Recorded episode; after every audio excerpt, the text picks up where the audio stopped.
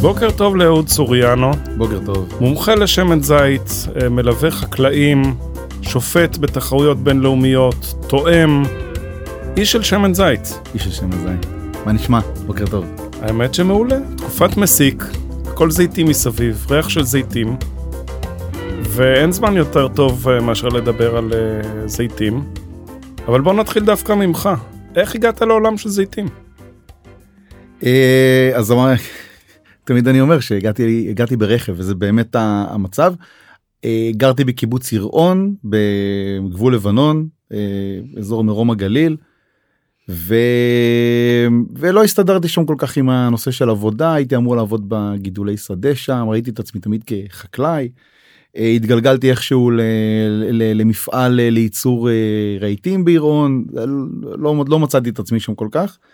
ואז בשלב מסוים אימא שלי שלחה לי עוד מודעה בעיתון אני חושב זה היה הדף הירוק עיתון של קיבוצים. בזה וואל יש שם מחפשים עובד לכרמי היין בגשור. ואני חשבתי לעצמי עברתי לא מעט ענפים בתחום החקלאות בתור נער וכרמים עוד לא ניסיתי. בוא ננסה. הגעתי ל... הגעתי לכרמים בגשור בתור עובד רק לעונת הבציר וזהו. זאת אומרת מהכנה מההתעוררות של הגפנים באזור אפריל ועד סוף הבציר באזור אוקטובר. ואז בסוף הבציר מי שהיה אז מנהל של של ארץ גשור של השמן זית שם ועדיין מנהל יוסי פרידמן אומר לי טוב אולי תישאר גם למסיק. אמרתי אוקיי נשאר למסיק ונשארתי על המסיק ואחר כך הוא שואל אותי טוב אולי תישאר פה באופן כללי ככה בתור עובד קבוע. ואז אני באותו זמן הייתה לי להקה שהייתי בטוח שאנחנו הולכים לכבוש את מצעדי הפזמונים. והתלבטתי ובסוף אמרתי טוב יאללה בוא אני, בוא, בוא, בוא, בוא נשאר עם זה עם, ה, עם החקלאות וזהו ומשם ההתאהבות בשמן זית הייתה הייתה מאוד קצרה מאוד זאת אומרת מה זה קצרה קצרת מאוד זה קרה נורא מהר זה היה מאוד אינטנסיבי וזה נשאר עד היום. והתחלת ללמד את עצמך הלכת לקורסים איך בכלל מתחילים מלראות אוקיי טעים לי מעניין לי להפוך להיות מומחה. אז אז גם הלכנו היו קורסים מאוד בסיסיים שהם היו התחלה נהדרת ואחר כך זה היה המון אוטודידקטיות. א' כי לא היה הרבה ממי ללמוד. זאת אומרת היה ממי אבל לא לא היה משהו ש... זה לא היה כמו היום היום יש הרבה יותר ידע בתוך הענף הזה מאשר מה שהיה אני מדבר על 2005 6 7 היום יש המון המון המון ידע. באופן זמין. כללי שמן זית עשו מימי קדם. יהודים בארץ וזה נזנח למשך הרבה מאוד שנים. רק בכמה עשרות שנים האחרונות חזרו יהודים לייצר ולעסוק בשמן זית בארץ. אני זוכר בתור ילד שמן זית היה שמן זית בכפרים. למה בעצם ננטש התחום הזה לכל כך הרבה שנים? תראה קודם כל מהתקופה הערבית האם זה קרה מיד או באיזשהו תהליך אני לא אני לא יודע אני לא מומחה לעניין אבל מהתקופה הערבית פחות או יותר אה, ליהודים אה, יש פחות ופחות אה, מקום ב, אה, ב, בהחזקת קרקע. אוקיי. אה, בגלל השלטון העות'מאני שהגביל את זה. בגלל שלטון עות'מאני ו... הוא ממלוכי אחר לפני זה וזאת. אה, על פי יהודים לא החזיקו בקרקע זה היה יש פה מס ג'יזיה מס גולגולת וכיוצא בזה יהודים הם דימי אה, לא רק יהודים גם נוצרים זאת אומרת כל מי שהוא לא מוסלמי. אה, ו... והעיסוק הזה ננטש בשלב מסוים הוא, הוא מאוד מאוד הוגבל בכל לכל הפחות מאוד הוגבל. אבל אבל בתקופות קדומות יותר למשל תקופה ביזנטית שהייתה פה תקופה של פריחה אדירה מבחינה מבחינה חקלאית והתיישבותית בכל הארץ. יש למשל ברמת הגולן יש עניין מאוד מעניין מי שחקר את זה זה פרופסור אה, חיים בן דוד אה, שגם אה, לשמחתי הרבה יצא לי להיות סטודנט שלו והוא מראה שברמת הגולן כל האזור הדרומי והמערבי הוא אזור של זיתים וכל האזור המרכזי של רמת הגולן ומזרחי שלה הוא אזור של של גתות ושל ענבים. והסיבה היא זה שמאזור רמת מגשימים ומזרחה וקצת צפונה גם לכיוון יונתן אה, קשת מי שמכיר יש מדרגות גיאולוגיות אה, והמדרגות האלה מייצרות אה, בריכות ענקיות שבהם מים עומדים ובמקומות שמים עומדים זיתים לא אוהבים לגדול זיתים רגישים לרקבונות של מים עומדים לעומת ענבים שבחורף נכנסות לתנומה ולא ולא אכפת להם אם המים עומדים או לא. ועד שהן מתעוררות בקיץ או באביב כבר, ה... אה, כבר המים האלה אה, אה, מחלחלים למטה ונעלמים והן מתעוררות יופי.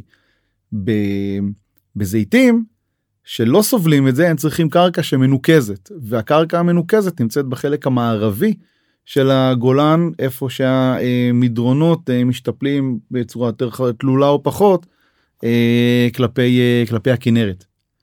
אז זה מאוד יפה לראות את, ה, את הסידור הזה אני בטוח שהם הבינו את זה מצוין בדיוק כמו שאנחנו מבינים את זה היום וגם היום מסתכלים אז דרום הרמה ומערב הרמה משופעים בזיתים אה, וגם בענבים אבל משופעים בזיתים ובחלק המרכזי של הרמה והמזרחי שלה אה, כמעט ולא תמצא זיתים.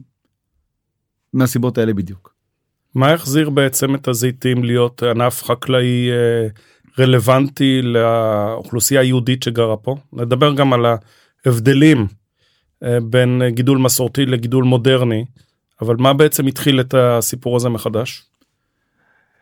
אני חושב שאי אפשר לה, להתחיל את הסיפור הזה בלי לדבר על ההקדמה שלו שזה אה, פרופסור שמעון לביא מהפקולטה לחקלאות ומכון וולקני.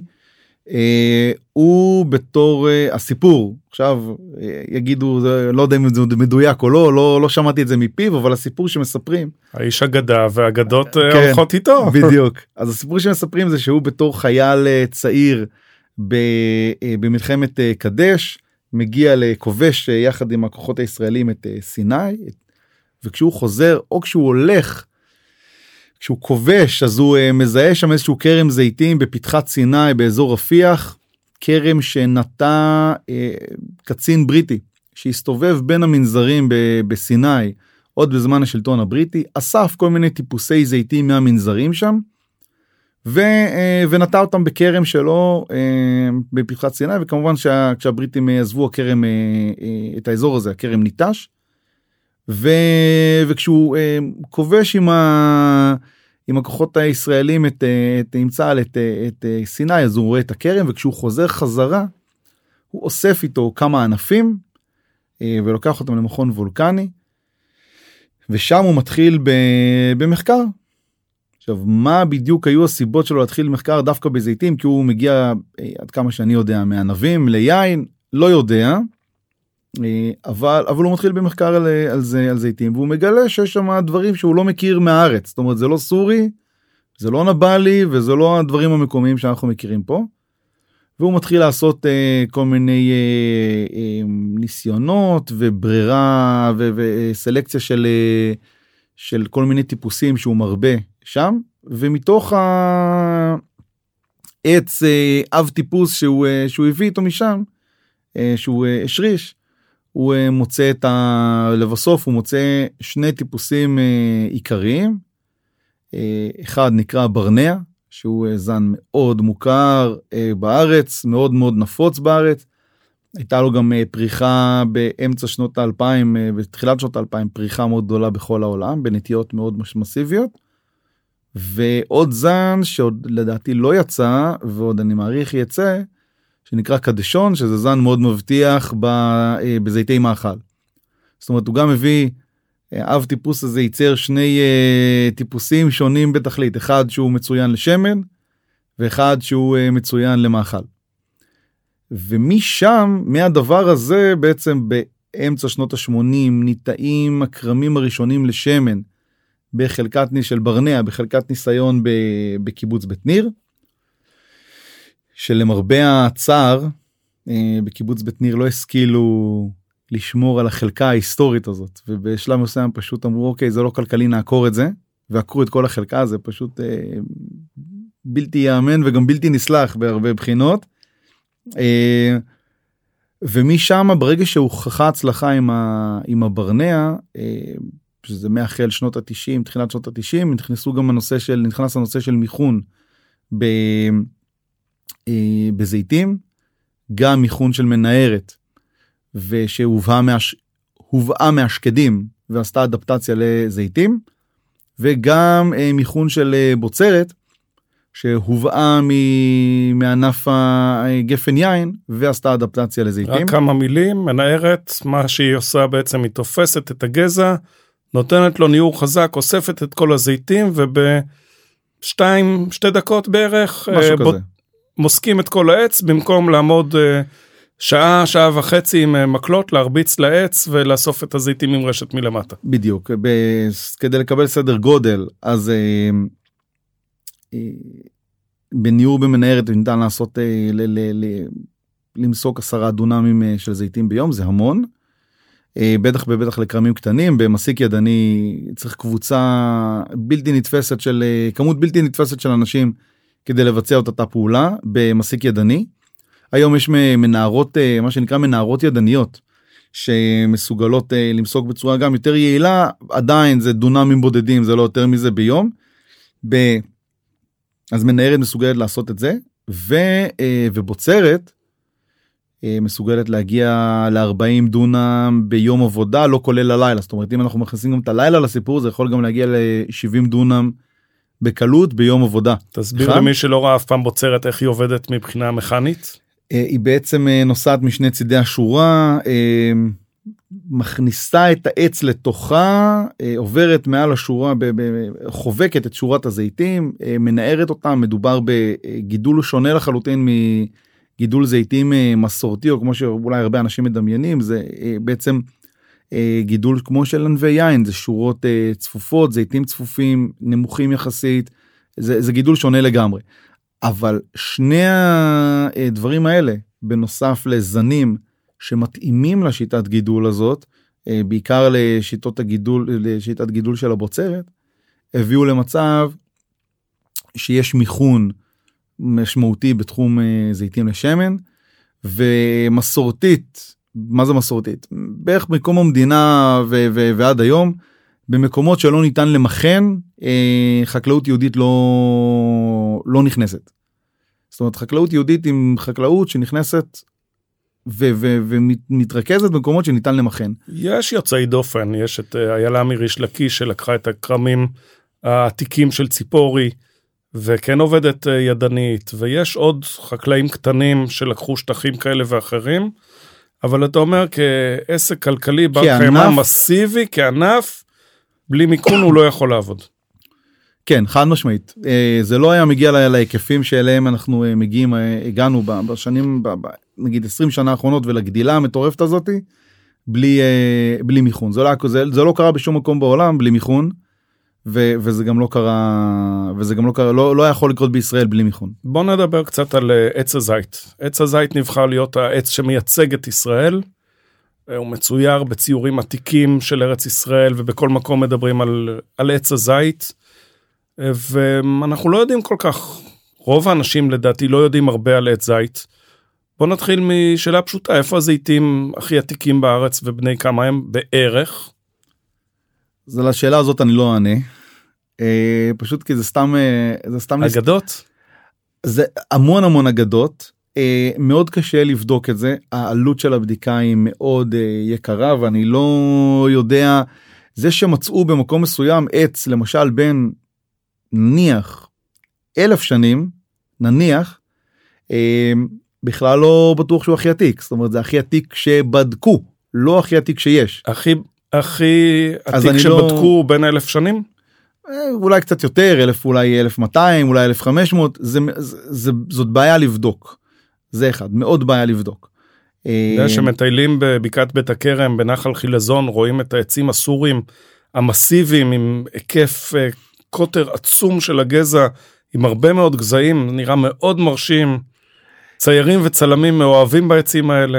הוא יכול להיות בין 500 והוא יכול להיות בין 900 באותה מידה וקשה מהחזות החיצונית שלו בלתי אפשרי לדעת את זה אוקיי אה, אבל כשיש לנו פה גאווה מקומית מאוד אה, רצינית בזיתים ש, שלא כל כך אה, לא יודע כמה אנשים מודעים לה.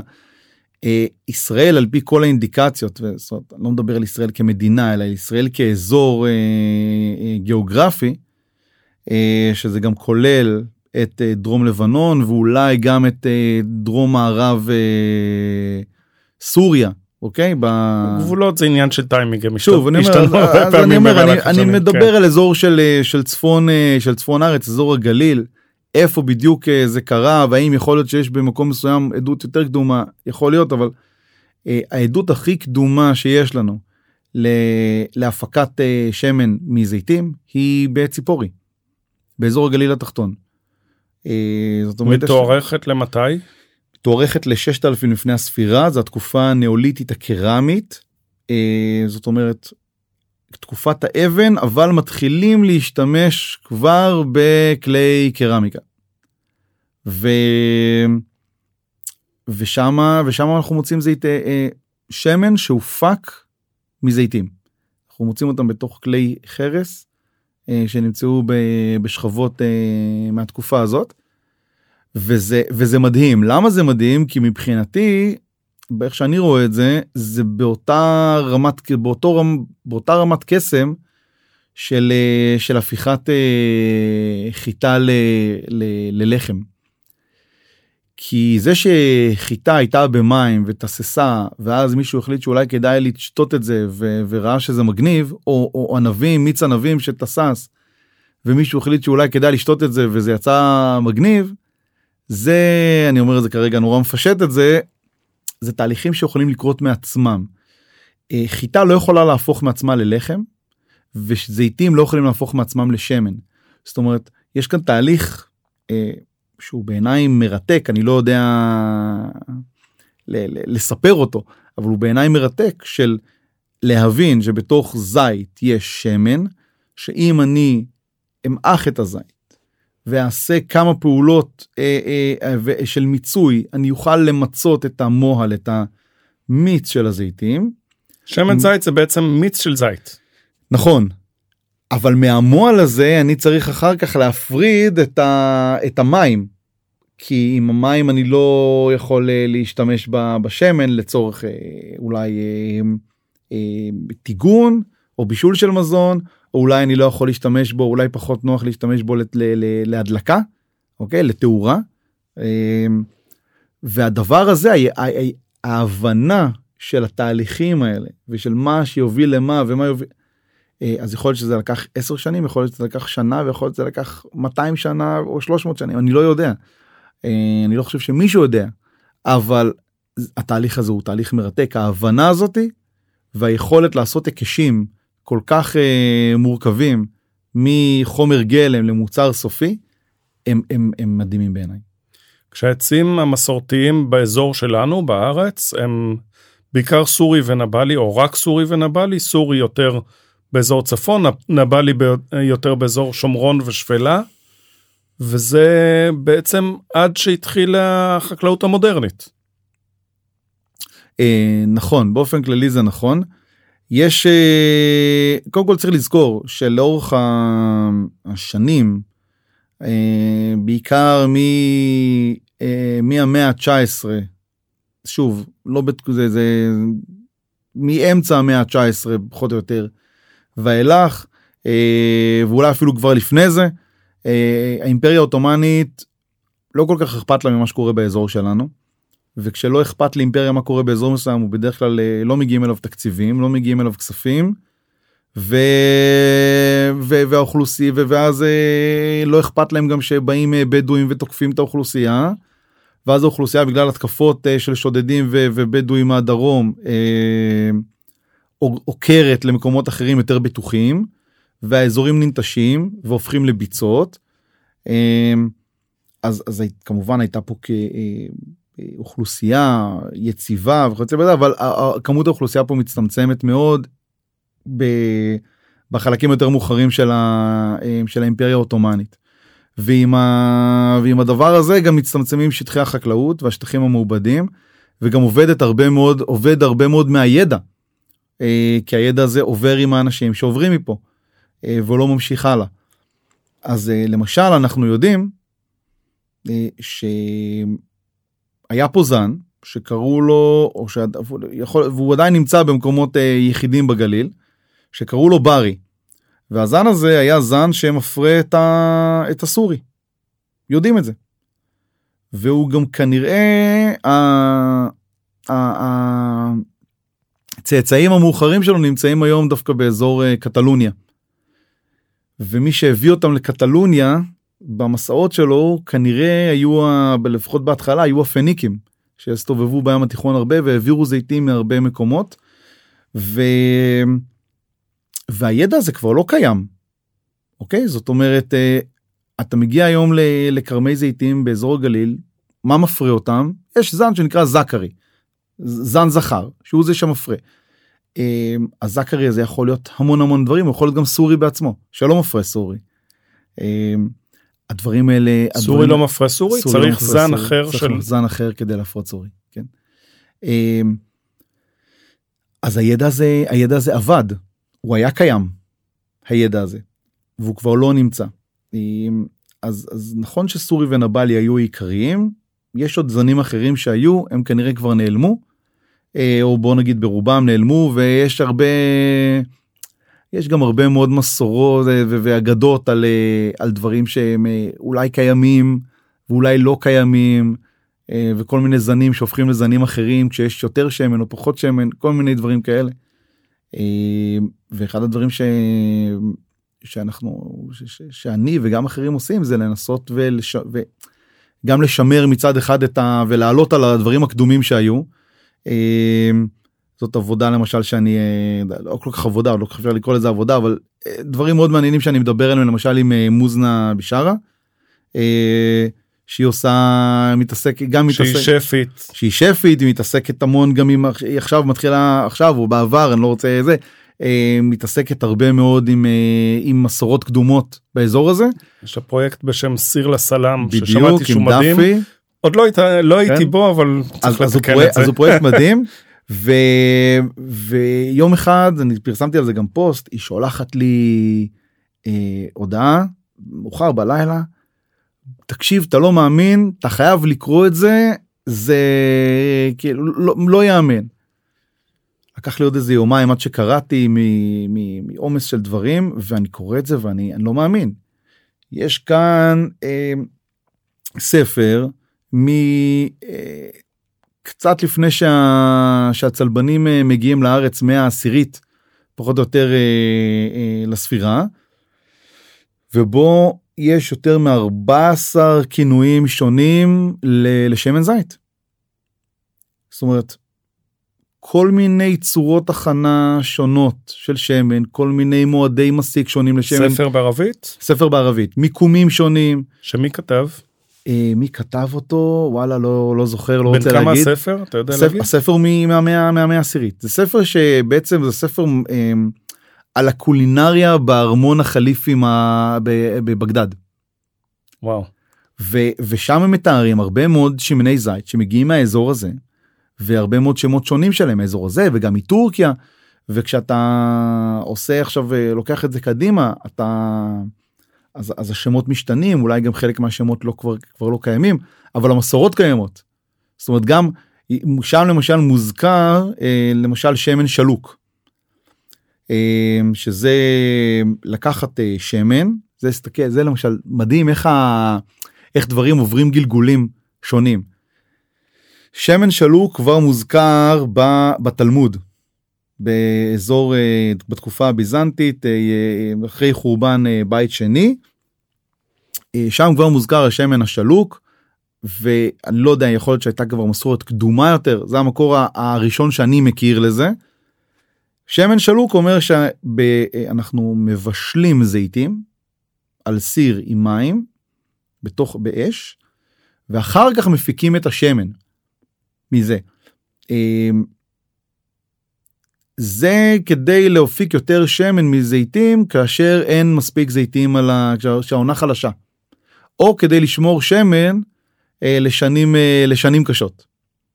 ניסית אוקיי? לעשות כזה פעם?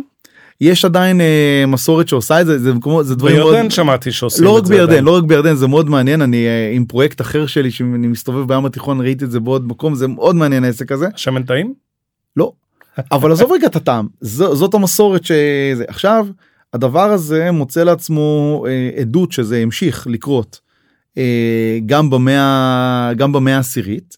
זאת אומרת, יש שם, מדברים על זה שיש אה, יש לזה גם שם לשמן הזה. אה, לא קוראים לזה שמן שלוק, קוראים לזה שמן אחר, אבל אה, אה, מסלוק, יש כל מיני שמות לדבר הזה שמתכתבים, וגם דברים אחרים. וזה מוצא לעצמו הדים גם בירדן של ימינו, שעדיין יש מקומות שמשמרים את המסורת הזאתי. והדבר המדהים זה, ואני לא יודע לעשות את החיבור על האם זה היה שם גם כן, ואני לא יודע איך זה הגיע, אבל גם בקפריסין יש שמן אה, אה, שלוק, שמן מבושל. אגן הים התיכון, הסוחרים, אם זה הפיניקים, אם זה בתקופות יותר כן, מאוחרות, הזיזו מסורות, הזיזו אנשים, הזיזו סחורות. לגמרי מה שמדהים בתוך העסק הזה זה שהיום תיירים אה, הם מדברים על זה שזה בעיקר תיירים מאזור מזרח אירופה אה, מגיעים לקפריסין ומוכנים לשלם הרבה הרבה מאוד כסף על שמן שחור. שזה בעצם השמן השלוק. אוקיי מוכנים לשלם הרבה הרבה הרבה מאוד כסף על זה. זה מבחינתם שמן עם אה, סגולות, סגולות אה, רפואיות ומיסטיות כאלה אה, ואחרות. כן אתה יודע כל מיני כמו קרן של קרנף אני לא יודע זה. זה אה, יכול לא- לרפא קורונה? לא יודע מה זה מחזק או לא מחזק, כן, אני לא יודע מה זה מרפא או לא מרפא, אבל בעובדה יש לזה, יש לזה ביקוש, וזה שמן שנמכר במחירים מאוד גבוהים, למרות שמדובר כמובן בשמן אה, ברמה תזונתית או ברמה מאוד נמוכה, אבל יש לזה הילה מאוד אה, מאוד אה, אקזוטית. אוקיי, אז תראה איך ה... זה מדהים איך גלגולים של דברים עוברים משמן שמטרתו להיות אה, משהו שיחזיק, הישרדותית. שיחזיק אותנו הישרדותית. בדיוק עד למקום שבו הוא הופך להיות מוצר יוקרה ייחודי. בוא נחזור רגע לעץ. עץ זית נחשב כעץ סירוגי. יש עונות טובות, יש עונות פחות טובות. השנה הבנתי שדי קטסטרופה. לא יודע שנה- אם בגלל ההתחממות הגלובלית או בגלל סיבות אחרות, אבל שנה לא טובה. אה, מה זאת סירוגיות למעשה? עץ זית הוא באופן טבעי עץ אה, מאוד אה, שנוטה לסירוגיות זאת אומרת שנה אחת אה, הוא אה, מגדל אה, את הענפים ושנה ובשנה העוקבת הוא מגדל על אותם ענפים חדשים את, ה, את הפרי. אה, השנה היא באמת שנה סירוגית באופן חריג גם צריך לזכור ששנה שעברה הייתה שנה שופעת באופן חריג. אה, זה מתחבר לזה שהיה חורף אה, יחסית חם זאת אומרת לא היה מספיק קר אוקיי? כשאנחנו מדברים על חורף חם זה אומר שלא היה מספיק קר. אמ, לעומת חורפים קודמים שהיה ש... צריך כמות קור מסוימת כדי אה, שהזיתים ינצו. שהזיתים יחנטו יחנטו. יתמיינו לפרי לפני שהם חונטים הם צריכים להתמיין לפרי זאת אומרת שהעץ החליט שהוא אה, אה, מוציא פרחים ושהפרחים האלה יהיו פרחים שמסוגלים לשאת שמסוגלים להפוך ל, לפרי. זאת אומרת זה שני אה, אם אין מספיק קור, הפרחים האלה פשוט נופלים בלי להפוך להיות פרי. או שהם בכלל לא יוצאים. כן, אחד מהשניים. ו- ואז יש לנו שנים אה, כמו השנה עם אה, מעוטת יבול שוב זה משתנה באזור הצפון המצב הוא פחות גרוע. לא רוצה להגיד טוב אבל פחות גרוע מאשר באזור הדרום ששם כנראה היו פחות מנות קור. ובאופן כללי במקומות שבהם היה יותר קור השנה באופן יחסי המצב פחות גרוע ממקומות אה, ממקומות אחרים. אה, צורת גיזום יכולה להשפיע על הסירוגיות? מאוד וזה וזאת גם כן שוב זה טעות שהיא טעות מאוד נפוצה. אה, אתה רואה את זה בכל ב- ב- בכל הארץ וגם בישראל וסליחה וגם מסביב לים התיכון. אה, חקלאים אה, בשנים מעוטות יבול אומרים אוקיי אני לא אגע בפרי כי בעץ כי שנה הבאה יהיה הרבה הרבה יבול אני צופה שיהיה הרבה יבול אני לא רוצה לגעת בשום דבר. אה, ואז בשנה אחר כך יש הרבה מאוד אה, פרי ואז אומרים אוקיי העץ אבל כבר גדל נורא הוא, הוא כבר אה, אה, הוא צפוף ו- ו- והוא אה, אין אור בפנים וכבר מתחילים ריקבונות והענפים נופלים על הרצפה ועולים לשמיים והוא כבר חוסם לי את הדרך לעבור בין השורות. אז עכשיו אני אגזום אותו רציני. והדבר הזה מגדיל את, ה... את הסירוגיות, מגביר אותה והופך אותה ליותר קיצונית. כי כמו שאמרנו, עץ הזית מצמיח ענפים חדשים, ובשנה העוקבת על הענפים החדשים האלה מצמיח פירות. אם אני בשנה עמוסת יבול גזמתי חזק, אז את המעט צימוכים שהעץ הצליח לייצר, להצמיח בזמן אה, שיש עליו אה, הרבה יבול, גם אותם אני גזמתי. לעומת זאת בשנה מעוטת יבול, שיש לי הרבה צימוכים חדשים, אני יכול להרשות לעצמי לגזום יותר, כי יש מספיק צימוכים חדשים שעליהם יהיה פרי שנה הבאה. זאת אומרת שבשנה עמוסת יבול אני צריך לגזום פחות, ובשנה מעוטת יבול אני יכול, אם צריך, לגזום יותר. רוב החקלאים עושים בדיוק ההפך, אה, וזה כמובן מגביר עוד יותר את הבעיה במקום להקטין אותה. אה, לא יודע איך זה קשור ל- ל- ל- להתחממות ושינוי אקלים, אני לא יודע אם זה קשור בכלל לזה. אני לא, אני לא נכנס למקומות האלה, זה אזורים פוליטיים מדי, אני לא נכנס אליהם. מצוין. אחד הדברים שאתה עוסק בהם ביום יום זה ליווי של חקלאים. לא רק uh, השמן הזית הסופי, אלא ליווי של הגידול. וספר לנו קצת מה זה אומר ללוות חקלאי, איך אתה משפיע בעצם על הפעילות שלו חוץ מגיזום. אז uh, אני בעניין הזה רוצה שנחזור קצת אחורה ונזכיר את זה שכשהתחלתי לעבוד בזיתים, בגשור, אה, לא היה, לא היה הרבה ידע. והרבה מאוד דברים למדנו גם מניסוי וטעייה וגם מבחינה חוזרת ונשנית של, של דברים ולא היה לנו כל כך הרבה סגנים להתגלח עליהם התגלחנו על הזקן של עצמנו ו, ו, ועשינו המון טעויות. כולם לא רק לא רק גשור כן? כל הענף עשה הרבה מאוד טעויות ולמד והתקדם.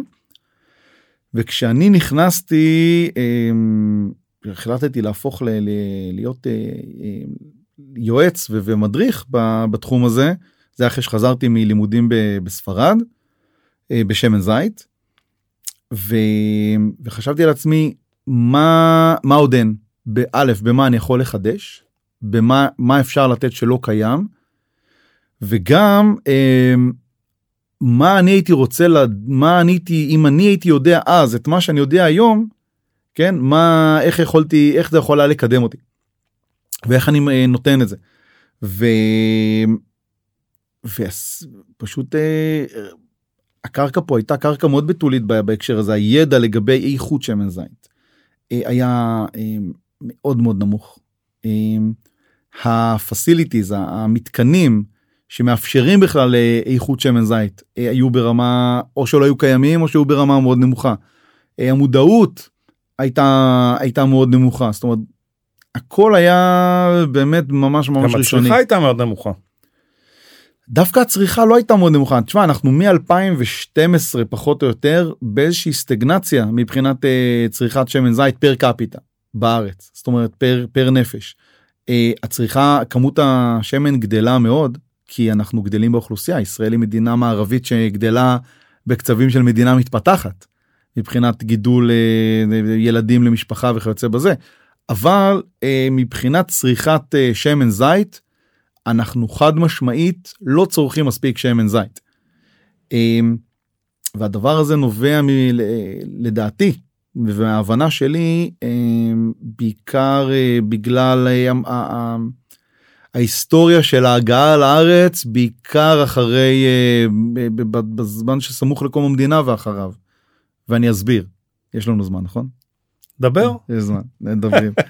אני אסביר את זה לדעתי זה שוב זה דברים של, שאותי הם אה, מרתקים התהליכים האלה אותי זה מרתק. אה, היו פה שתי אוכלוסיות שהגיעו לארץ שוב בעיקר מאמצע שנות ה-40 נגיד ועד אמצע סוף שנות ה-50 אחת האוכלוסייה אחת היא אוכלוסייה אה, שגם הגיעה יותר מוקדם ממערב אירופה סליחה מערב אירופה מאירופה באופן כללי זה גם מערב אירופה וגם מרכז אירופה ובעיקר מזרח אירופה ושם אה, אין שמן זית. פשוט מאוד אין שמן זית לא צורכים שמן זית.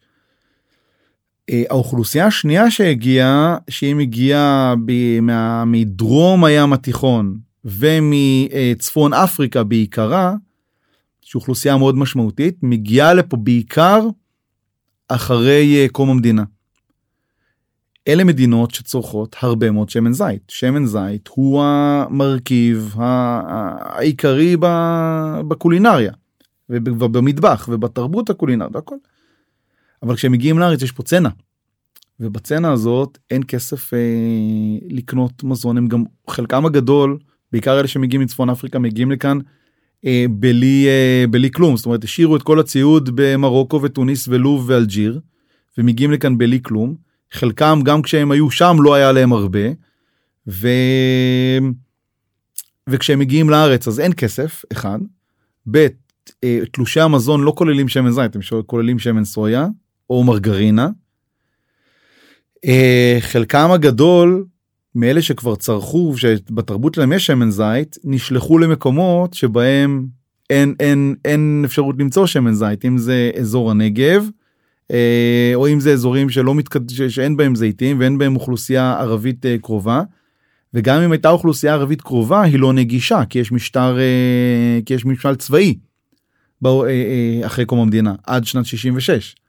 ובמסגרת הממשל הצבאי הזה מאוד קשה להיכנס לתוך הכפרים הערביים ומאוד קשה לנהל איתם מסחר. אז אתה מכניס את כל הדברים האלה ביחד לאותה קלחת אתה רואה איך האוכלוסייה הזאת נוטשת את השימוש בשמן זית לטובת שימוש בשמנים צמחיים זולים יותר. שוב שמים מרגרינה בג'חנון שמור מר... אלוהים כן מרגרינה או שמן סויה ומאוחר יותר שמן קנולה ואז כשאתה שואל ואני שאלתי אה, אני מגיע במקור שלי אני, אני נולדתי בקיבוץ אה, חמדיה שזה בבית שאן ו, אה, ולהורים שלי ואנחנו מכירים הרבה אנשים מבית שאן. ו... ופניתי לחברות של אימא שלי שהיא כבר מבוגרת ושאלתי אותם תגידו במרוקו בתוניס בלוב באלג'יר במה השתמשתם. וכולן אמרו בלי יוצא מן הכלל בשמן זית. שמן זית וסמנה. נכון אבל סמנה זה יותר יקר שמן זית זה היום יום. שמן זית זה ה... סמנה זה, ה... זה מיוחד שמן עולה הרבה כסף שמן, סמנה זה לא קל להכין. סמנה זה חמאה מזוקקת כן. למי שלא מכיר. בדיוק. אה, שמן זית זה היום יום שמן זה זה מה שמשתמשים. אה, והיה גם מקומות מסוימים שבהם השתמשו קצת בשמן שקדים שזה גם היה מאוד קשה להפיק אותו ותהליך מאוד ארוך וזה לא היה פשוט. שקדים שמן ארגן שמן כן, סומסום קצת זה לא זה לא אבל ב... זה לא היה בשולי השוליים בדיוק זה לא אלה לא היו שמנים אה, זמינים כל כך. שמן זית זה היה שמן וגם אה, המדינות האלה מדינות ש... שנמצאות במרכז אה, ב, ב, ב, בצריכה מאוד גדולה של שמן זית גם היום. זאת אומרת מככבות ב... אה, בטבלאות אה, צריכת שמן הזית אה, פר קפיטה וגם בייצור שמן זית באופן כללי. למה הפסקתם להשתמש? שוב מהסיבות ש... שהזכרתי זאת אומרת הן מנעו אותן אה, בעצמן אוקיי אה, מגיעות ל... לבית שאן שהייתה ביסן עיר ערבית אה, ננטשה אין מסביב אה, יישובים ערבים אין ממי לקנות שמן זית. אז ו... ו... וגם אין כסף לקנות שמן זית. ואתה לא תטריח את עצמך בתחבורה ציבורית שלא קיימת עד uh, כפרים ערביים שאתה לא יכול להיכנס אליהם בשביל להביא שמן זית. מה יגרום לאוכלוסייה לצרוך יותר שמן זית? מודעות אחד כי אנחנו צורכים שמן זית ב... אבל לא מספיק. בכמעט כל בית אב בישראל יש שמן זית על המדף אבל השמן הזה הבקבוק של ה-750 לוקח לו חצי שנה להיגמר. אה, אוכלוסייה יהודית במדינת ישראל צורכת בערך ליטר וחצי, אה, סליחה לא ליטר וחצי, קילו וחצי, זה יוצא נגיד אה, ליטר נקודה שבע, אה, לאדם אה, לשנה. זה כלום. אוכלוסייה ערבית לעומת זאת, ערבית ודרוזית צורכת בין שבע וחצי לשמונה, אה, שזה בליטרים יוצא בין אה, נגיד אה, תשעה, תשעה וחצי אה, ליטר ל, לאדם לשנה, שזה כבר, שזה כבר אה, הים התיכון. זה כבר צריכה של ים תיכון, האוכלוסייה היהודית נמצאת הרבה הרבה הרבה מאחורה. בהקשר הזה. שוב, חצי ממנה זה בכלל לא ב, ב, ב, ב, בהיסטוריה הקולינרית שלה, וחצי זנחה את זה וקשה לה כבר לחזור חזרה. וה... אז אני חושב שמה שיכול להחזיר את זה, זה אחד, מודעות אה, לתרבות קולינרית ים תיכונית, ולהחזיר את, מה שנקרא להחזיר עטרה ליושנה, אחד. אה, שתיים, מחירים. אה, ובהקשר הזה, אני... אה, יש לי אה, דעה קצת אולי אה, אני חושב אני חושב שהיא שונה מלא מעט אה, אנשים אבל כמו שאמרו כבר לפניי זו דעתי ואני תומך בה. אני חושב שהיבוא וכבר כתבתי על זה שנה שעברה גם כן פוסט בפייסבוק מי שרוצה יכול להיכנס לדפדף אחורה לראש השנה של שנה ש, של 2020 ולקרוא. אני חושב שאנחנו עושים דמוניזציה ליבוא של שמן זית ו, וזה לא עושה לנו כתעשיית שמן זית זה לא עושה לנו טוב כתעשייה ישראלית. אמ, כי האלטרנטיבה של אני אקח את זה עכשיו הכי לסטריאוטיפ שכבר קבעו לפניי אז אני רק משתמש בו שוב פעם. אה, האלטרנטיבה של מסעודה משדרות אני לא זוכר כבר מי קבע את הסטריאוטיפ הזה אבל אה, זה היה שם בשנות התשעים. האלטרנטיבה של של אדם של, של מישהו של אדם היישוב אדם היישוב סטריאוטיפים מיותר בסדר, מיותר. לא, לא, אין לי, אין לי בעיה אני לא איך לא אכפת לי זה לא זה, אני לא חושב שזה זה לא גזעני או משהו להגיד זה, זה מטבע לשון. אבל האלטרנטיבה אה, של אדם כזה או אישה כזאת לא משנה הוא לא הוא לא ללכת למושב נגיד משדרות זה לא ללכת למושב אה, מרחבים או אה, פטיש ולקנות שם שמן זית. האלטרנטיבה זה להוריד בקבוק קנולה מהמדף. ועובדתי כשאנחנו מסתכלים על צריכת שמן אה, שמן באופן כללי שמן צמחי באופן כללי בספרד ובישראל צריכת השמן באופן כללי היא זהה. אה, בספרד צורכים 19 ליטר לאדם שמן צמחי לשנה ובישראל צורכים 8.2 או 3 אה, שמן צמחי לאדם לשנה. אבל בישראל אה, בו, בממוצע אוקיי בממוצע אה, מתוך ה-18 ליטר האלה אה, 16 קצת פחות 15 וחצי זה זה שמן אה, זה, זה שמן צמחי מזוכח ורק שתיים וחצי אה, בממוצע זה שמן זית ולעומת זאת בספרד זה בדיוק ההפך.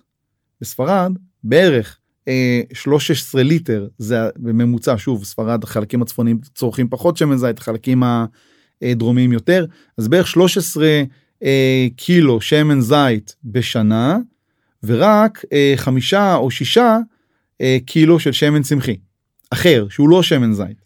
אני אוקיי? אבל אה, אני לא משוכנע שנושא המחיר הוא הנושא היחיד.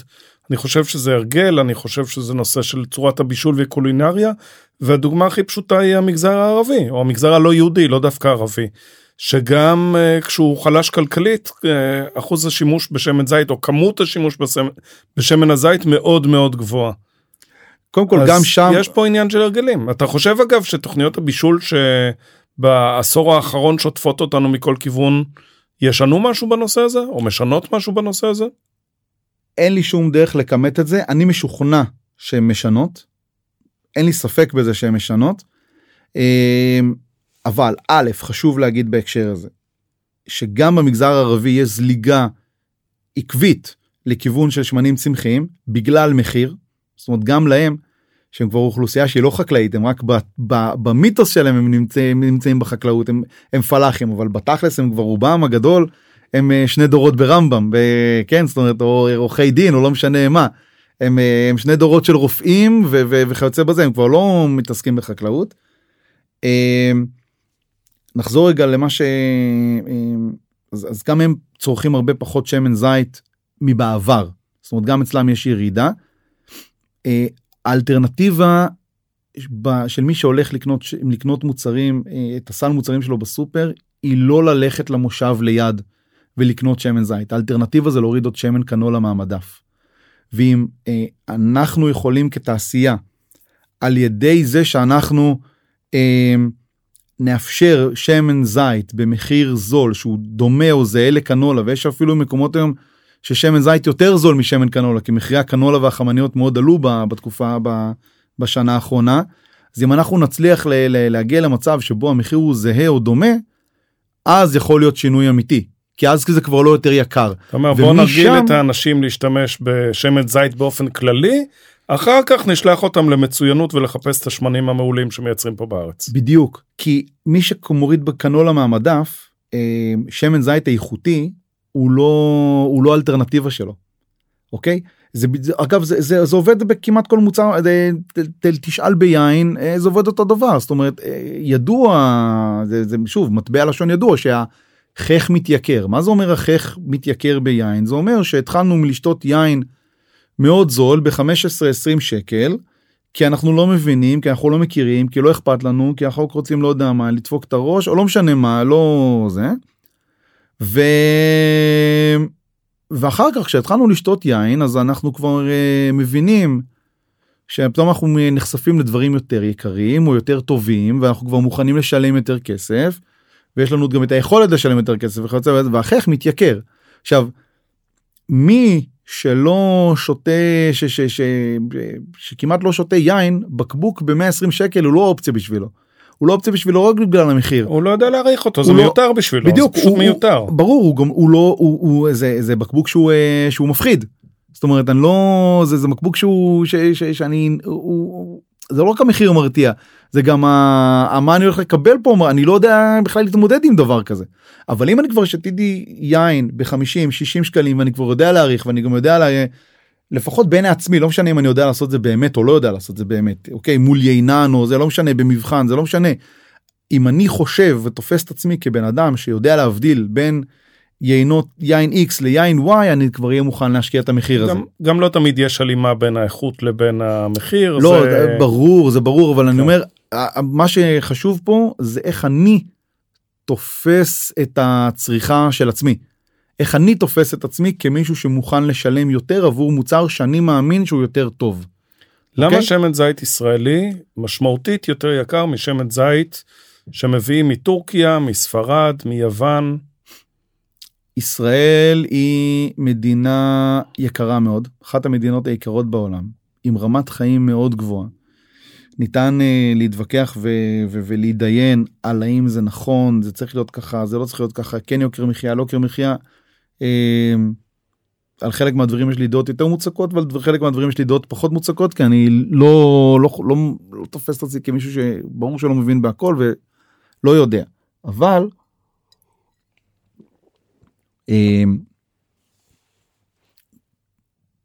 כל דבר שאתה מסתכל עליו לעומת, ב- לעומת אה, מדינות אחרות בים התיכון בישראל הוא הרבה יותר יקר. דלק יותר יקר חשמל אה, יותר יקר אה, מים יותר יקרים.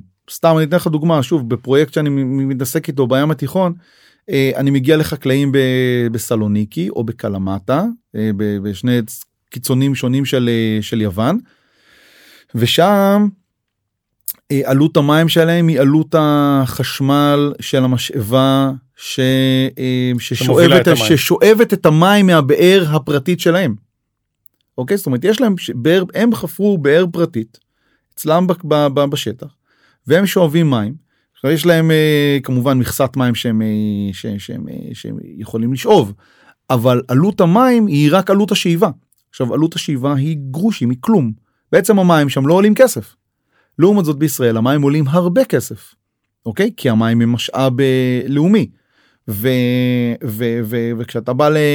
כשאתה אתה רוצה חיבור אה, למקורות אתה צריך אה, חיבור חקלאי אתה צריך לשלם 30 אלף שקל רק על החיבור רק על החיבור. רק על החיבור עוד לא השתמשת עוד לא השתמשת. אה, ויש לך תאגידי מים שגוזרים גם את, ה, את הקופון שלהם על העסק הזה ואז אתה מגיע לזה שמים למשל אה, אצל אה, בלא מעט מקומות ב, ב, גם במושבים וגם בכפרים ערביים למשל. אתה יכול להגיע למצבים שאתה משלם אה, 8 9 10 ויותר קוב אה, שקל לקוב. זה זה בלתי נתפס זה מחירים לא הגיוניים. ועל זה נוסיף את העובדים שיותר יקרים פה. ועל זה נוסיף עובדים עבודה שהיא מאוד יקרה בישראל שוב אפשר להגיד זה טוב זה נכון אה, לא צריך ללמוד מאחרים שעושים את זה פחות אני לא נכנס לזה כי אני לא זה, זה בכלל לא משנה ועוד נושא שהוא דרמטי זה נושא של סבסוד של סובסידיות לחקלאים. חד משמעית אה, ש- אני בתפיסה הכלכלית שלי אה, בעד אה, שוק חופשי קפיטליסט אה, אומר שלא טוב שהמדינה מכוונת אה, דברים יותר מדי. אה, היא לא עושה את זה בצורה יעילה לדעתי ואני הייתי מאוד שמח שהשוק יהיה אה, פתוח ללא מכסה מגן אני חושב שמכסה מגן כמס שמג... כ- כ- כמס שמגן על, על צריכה על לא צריכה סליחה על, על ייצור מקומי זו דרך מאוד רעה להגן על ייצור מקומי לדעתי האישית. ו... ואני חושב שהדרך לייצר פה מחירים יותר זולים מצד אחד וגם לייצר אה, אה, תחרות יותר בריאה והוגנת היא א' על ידי לדעתי האישית ביטול מוחלט של כל מכסה המגן. של בשמן זית דברים אחרים בחקלאות אני לא מבין ואני רגע, לא נכנס. אבל בוא אני רוצה לעצור רגע אותך רגע רגע. רגע רגע שנייה אבל אני ממשיך שנייה זה ממשיך.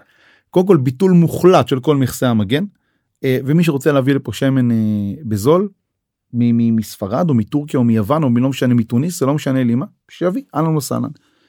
מצד שני אה, צריך לסבסד כאן אה, חקלאים אבל בסבסוד ישיר ולא בסבסוד עקיף זאת אומרת לא לבוא אה, ולהגיד בסדר אנחנו אתה יודע המים עולים פה יותר יקר אנחנו נותנים לך את זה בחצי שקל פחות לא זה לא סבסוד ישיר. סבסוד ישיר זה לבוא ולהגיד כמו בדיוק כמו במדינות אירופה אני עכשיו חוזר מה מספרד. קורה היום ביוון ספרד פורטוגל אז הנה אז אני חזרתי ממש לפני כיומיים מ- חזרתי ביום שישי לפנות בוקר מספרד ובספרד אה, דיברתי עם ממש ביום האחרון שלי עם חקלאי שאומר כן תשמע אנחנו ככה וככה וככה עובדים וזה וזה וזה ואנחנו מקבלים עוד אה, 80 אה, סנט מהמדינה על כל קילו שמן שאנחנו מייצרים. עכשיו זה הסבסוד של המדינה נע וזה תלוי בחקלאי ותלוי בעוד כל מיני גורמים אה, בין אה, אה, חצי סנט חצי יורו סנט לבין אה, עד יורו אחד לקילו שמן. עכשיו זה לא בדיוק עובר לפי קילו שמן זה מתורגם לפי יחידות שטח וכל מיני מפתחות אחרים אבל בסוף בסוף בסוף כשאתה עושה את כל החישובים אתה מתרגם את זה לזה זה מתורגם לק, ל, ל, לסבסוד ל, ל, לקילו שמן. ואני חושב ש... שאם אנחנו נצליח להגיע למצב כזה אה, בישראל שוב לגבי מוצרים מוצרי מזון אחרים ומוצרי חקלאות אחרים אין לי מושג אני לא מבין למה הם בזה. עושים את זה למה הם נותנים סובסידיות? זה אה, זה יהיה זה יהיה דבר טוב מאוד זאת אומרת אי אפשר אני שנייה לפני שאני אענה על השאלה הזאתי אני לא חושב שניתן לבטל את מכסה המגן בלי לתת סובסידיות זה לא פייר. אוקיי זה יוצר תחרות לא הוגנת למעשה. בדיוק זה לא פייר אה, אבל אני מאוד בעד שיבטלו את מכסה המגן וייתנו סבסוד ישיר לחקלאים. באירופה זה קורה אה, פשוט בגלל שזאת הדרך היחידה או בוא נגיד העיקרית להשאיר אה, להשאיר את השטחים האלה כשטחים שהם לא לא נטושים. אה, אם זה בצרפת אם זה ביוון אם זה באיטליה אם זה בספרד במילה אחרת רוצים לעודד מסורת רוצים לעודד ייצור מקומי רוצים לעודד את זה שלא כולם יגורו בערים. זה מה שרוצים אני לא יודע כמה רוצים לעודד מסורת ואני לא יודע כמה רוצים לעודד ייצור מקומי לא אני לא יודע כמה זה מאהבת מרדכי וכמה זה משנאת המן אני לא יודע. אבל אה, אבל אני חו- ו- ואני חושב שזה הרבה יותר ציני ממה שאנחנו אוהבים לפעמים לחשוב "אה, תראו באיטליה הם מקבלים ככה וזה. בסדר הם לא רוצים שכל השטחים האלה יהפכו לשטחי ביצות. אה, והם לא רוצים שכולם יבואו ויגורו במילאנו או, ב, או בנפולי או ברומא. הם רוצים שיגורו גם במרחב הכפרי. והדרך לשמור על אה, מרחב כפרי חי ו, ו, אה, אה, וחיוני היא על ידי זה שישאירו שם את החקלאים. אה, איך משאירים אותם שם? על ידי זה שאומרים להם אוקיי חבר'ה אנחנו עוזרים לכם להישאר פה. אנחנו עוזרים לכם להתקיים פה. אה, בישראל זה לא מספיק מפותח הנושא הזה. ואני הייתי שמח אם הוא היה מפותח יותר אה, בהקשר הזה. בוא נחזור לעבודה. אני יודע שאתה מלווה היום פרויקט של חקלאות בעל באזור בית הכרם בעיקר אה, אוכלוסייה לא יהודית חקלאים לא יהודים. ובגדול יש אה, שתי שיטות יש שיטה של השקיה ויש שיטה של אה, לחכות לחסדי שמיים. איך ניגשים לפרויקט כזה מה המטרה שלו? מי עומד מאחוריו? אה, אז הפרויקט הזה החל עם משהו יותר מצומצם שאני עשיתי עם, עם אשכול בית הכרם בעצם תוכנית האשכולות זה תוכנית שהמדינה משרד הפנים יצר מתו- בכוונה מאוד טובה אני ואני חושב שזה עניין אה, מאוד רציני וחשוב שבעצם אומר אה, מועצות מסו- אה, מקומיות או אזוריות לא משנה אבל מועצה אחת אה, קשה לה מאוד להתממשק באופן עצמאי עם אה, מועצה שנייה כדי לפתור בעיות שמשותפות לשתיהן. אבל אה, ואז אנחנו מייצרים אשכול אשכול של אה, מועצות אזוריות מקומיות אה, עיריות וכיוצא בזה. שמטרתו לפתור בעיות אזוריות משותפות לכולם.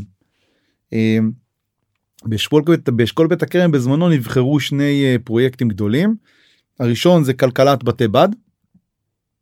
והדבר השני זה, זה נושא של איכות סביבה. בנושא של כלכלת בתי בד אני נכנסתי לשם ואחר כך נוצר זה כבר עבר איזושהי אקסטרפולציה איזושהי הגדלה לפרויקט יותר גדול בהקשר כשזה נכנס גם נכנס מכון וולקני לתוך הדבר הזה בתור קורדינטור למרות שאשכול בית הכרם עדיין נשאר כשותף אה, מרכזי אה, רציני שם בתוך העסק הזה. המטרה של הפרויקט היא אה, לאפשר לחקלאי לחקלאי בעל חקלאים שלא אה, משקיעים זאת אומרת חקלאות המים, מסורתית למעשה חקלאות שנצמכת על אה, על אה, על מי גשמים וזהו. אוקיי זאת חקלאות בעל חקלאות שהמים היחידים שהגידול מקבל הוא מי גשמים. זו, זו, זאת ההגדרה של, של חקלאות שזה רוב שטחי כרמי הזיתים באוכלוסייה הלא יהודית. נכון, נכון. אמ, אז להביא מודרניזציה חקלאית, זאת אומרת השקיה ודיוק בגידול ו- ו- ו- ו- אה, וידע מודרני וחדשני לתוך כרמי הבעל האלה, אה, כדי להפוך אותם לכלכליים עבור הבעלים שלהם. חלק מאוד uh, רציני ואתגר מאוד גדול בתוך, uh, בתוך המגזר הערבי והדרוזי זה שהחלקות האלה או ננטשות כי שוב חבר'ה הולכים כבר כבר הרבה מאוד זמן להיות בעלי מקצועות חופשיים. הולכים לעבודות יותר מכניסות או כאלה שהערך שכמות הזמן שאני צריך לעבוד כדי לקבל את אותו את אותה כמות כסף היא הרבה יותר קטנה. ו- ו- והם כבר לא חקלאים במגזר הערבי והמגזר הדרוזי הוא בעיקרו לא מגזר חקלאי למרות ששוב במיתוס של, של הרבה מהם הם עדיין כאלה. הם עדיין פלאחים אבל בתכלס הם כבר הרבה מאוד שנים לא פלאחים לחלקם אפילו אין מושג איפה החלקות שלהם נמצאות. אוקיי זה עד כדי כך. והקושי לאבד את החלקות האלה הולך וגובר אה, ככל שעוברים אה, הדורות כי אה, על פי האסלאם אה, החלוקה של השטח היא שוויונית בין כל האחים. ואז שטח שלפני 100 שנה היה 50 דונם 100 שנה אחר כך עם כמות אחים 7 אחים 5 אחים וכיוצא בזה כבר הופך להיות התפצל, הוא כבר הופך להיות דונם ולפעמים על הדונם הזה יש יותר זה זה על הדונם הזה זה שורה אחת של זיתים אה, באמצע בקעת בית נטופה שהיא בכלל לא נגישה כבר אי אפשר לה, כבר לא משתלם בכלל להגיע אליה. אה, סתם דוגמה מחיה מעכשיו אני עובד עם אה, חקלאי בתוך הפרויקט הזה שכדי להכניס השקיה לתוך החלקה שלו שהיא בשיתוף איזה 12 דונם שנמצאים בשיתוף עם שישה אחים. והיה צריך לבקש אישור מכל השישה אחים האלה. ובחלק מה... וההכנסה של ההשקיה התעכבה כי היה אח אחד שלא הסכים. ומכיוון שההשקיה חייבת לעבור בשטח שלו אז אי אפשר היה להעביר את ההשקיה.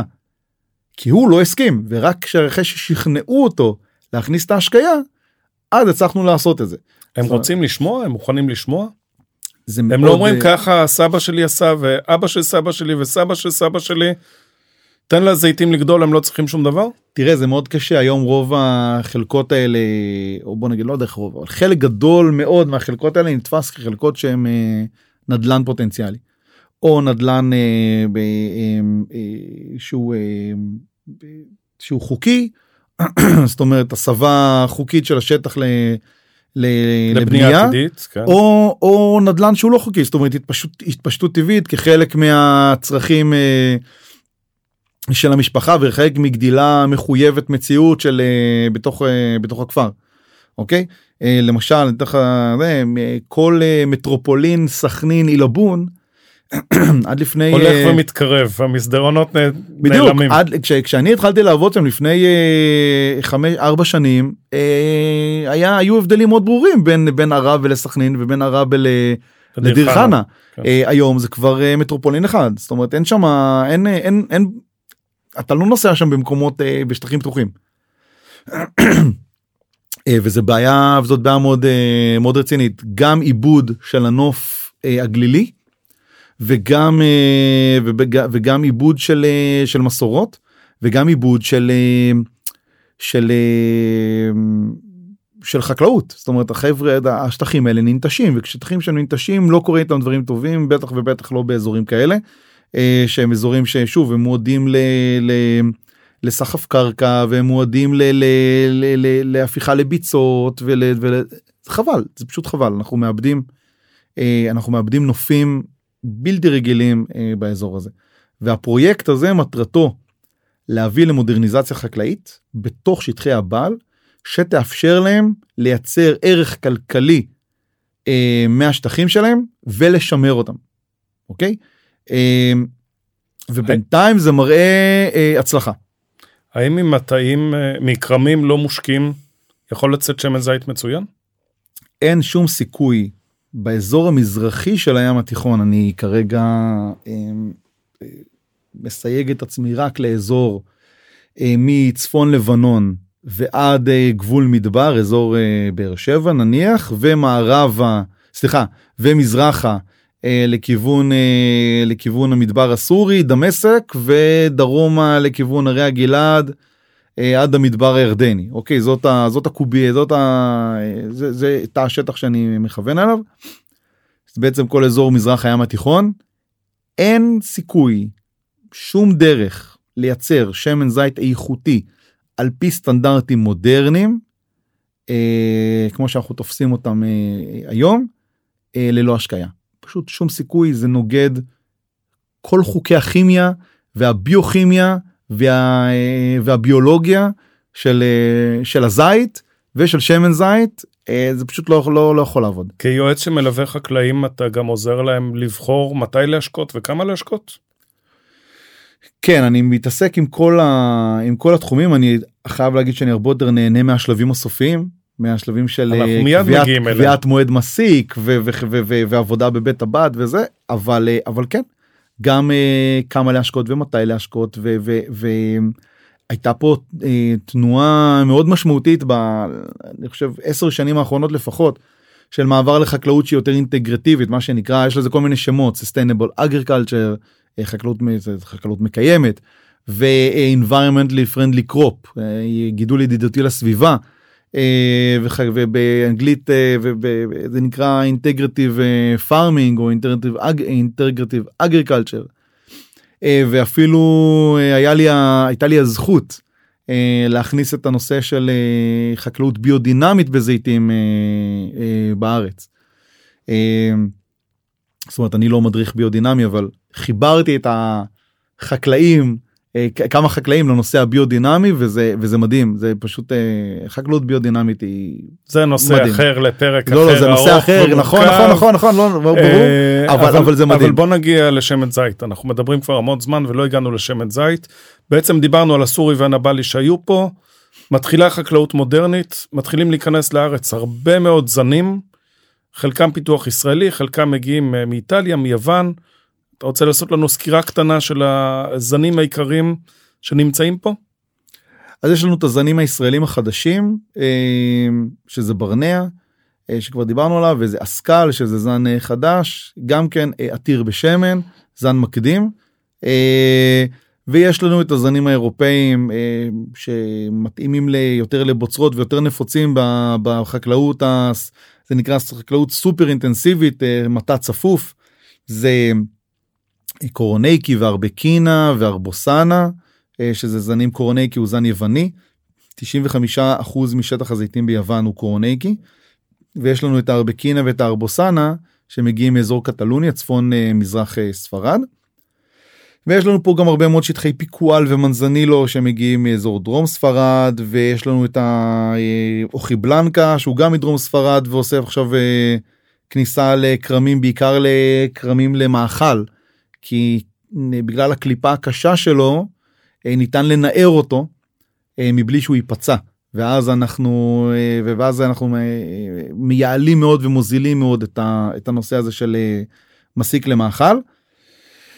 עוד זנים יש לצ'ינו שעשה שהיה לו איזושהי תקופת פריחה מסוימת והוא כבר כמעט לא נטוע בגלל שהוא צריך הרבה הוא צורך הרבה מאוד הרבה מנות קור כדי לחנות יש קורטינה שזה זן מדרום איטליה ופישולין שזה זן אה, מדרום צרפת. מה, מה בעצם משפיע על הרצון של חקלאים להשתמש בזן מסוים?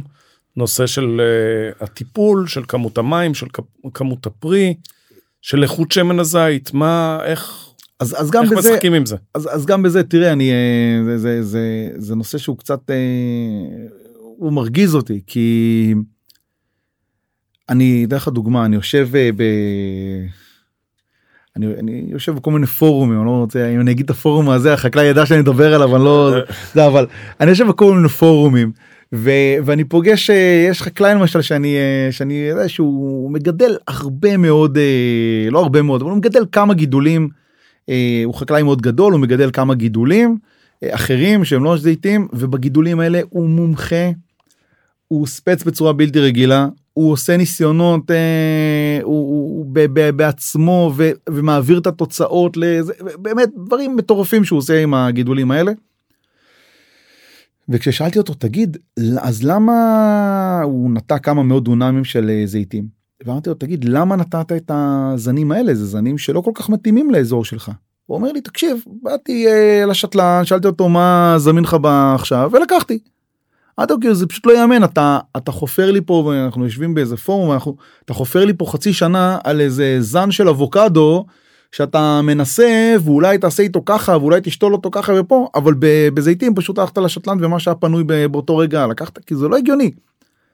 ויש אה, חק... אה, חקלאית אה, גם לא רחוק מהאזור שלי שמגדלת פישולין וקורטינה ב-30 דונם עכשיו אין לה לאן להתפשט זה מה שיש לה. ויום אחד טעמתי איתה אני הייתי ראש פאנל תואמים אז והיא באה לטעום בפאנל ו... והיא אומרת לי תגיד מה צריכה ממך איזושהי עזרה? איך אני מתמודדת עם, ה... עם הזנים האלה? זה זנים הם זנים נורא אינטנסיביים נורא נורא דומיננטיים. עכשיו פישולין וקורטין הם, הם שני הזנים הכי דומיננטיים שיש הם הכי מרירים והכי חריפים. ואמרתי לה אבל מי אמר לך לשתול אותם בכלל? בטח בטח באזור שלך שהוא גם בלי מנות קור וקשה להם לחנות וזה מי אמר לך? אז תקשיבי הלכתי למישהו שהוא אמור להבין אה, והוא אמר לי תשימי ברנע פישולין קורטינה. למה ככה? אז הלכתי לשתלן והשתלן אמר לי תקשיבי אין לי כרגע ברנע אז תשים רק פישולין וקורטינה. וזה מה ששמתי. אז עכשיו היא בבעיה כי יש לה את שני הזנים הכי דומיננטיים שיש. רוב האוכלוסייה לא אוהבת שמנים כל כך חריפים ומרירים ו...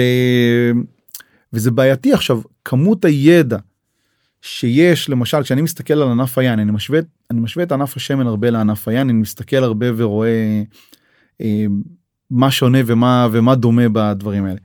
ובענף היין למשל אה, הידע הוא עצום וה, וה, והמקומו והניואנסים שנכנסים אליהם על אה, סוג הקנה ואיזה זן לשים על איזה קנה ואדמות וזה יש המון המון המון ניואנסים. אז זה לא רק בחקלאות זה גם בטעמים. אבל בטעמים כשאני הייתי ילד שמן זית היה שמן זית לא נכון, היה לו שם נכון ואז התחילה המהפכה של שמן הזית הזיני. שהוא עדיין זני, mm. עדיין לא מאוד מאוד אה, לא בכל מקום אבל יודעי חן וחובבי קולינריה כן מחפשים היום אה, זנים מתי זה התחיל בעצם מי התחיל את הסיפור הזה. אז לשמחתי הרבה גם בזה אה, אומנם לא אני לא התחלתי בזה כן אבל היה, היה לי הכבוד להיות uh, חלק מהתהליך הזה ממש בתחילתו יחד עם, uh, עם גשור כי כשאני נכנסתי לגשור ב2005 uh, הם בדיוק 2006 אני כבר לא זוכר אה, הם היו מהראשונים בארץ לנטוע אה, כרמים לבוצרת לא יודע אם הראשונים אבל מהראשונים אה, גם הם וגם קיבוץ מגל בתחילת שנות האלפיים 2000 2001 ושתיהם גם גשור וגם מגל גם ארץ גשור וגם מסיק מגל דיברו מההתחלה את הנושא הזני. אה, אה, זאת אומרת, אנחנו לא מייצרים שמן זית. המעבר מיין אדום לקברנה סוביניון, קברנה פרנק. ממש ממש ממש ממש ככה. הלאה. ממש ככה.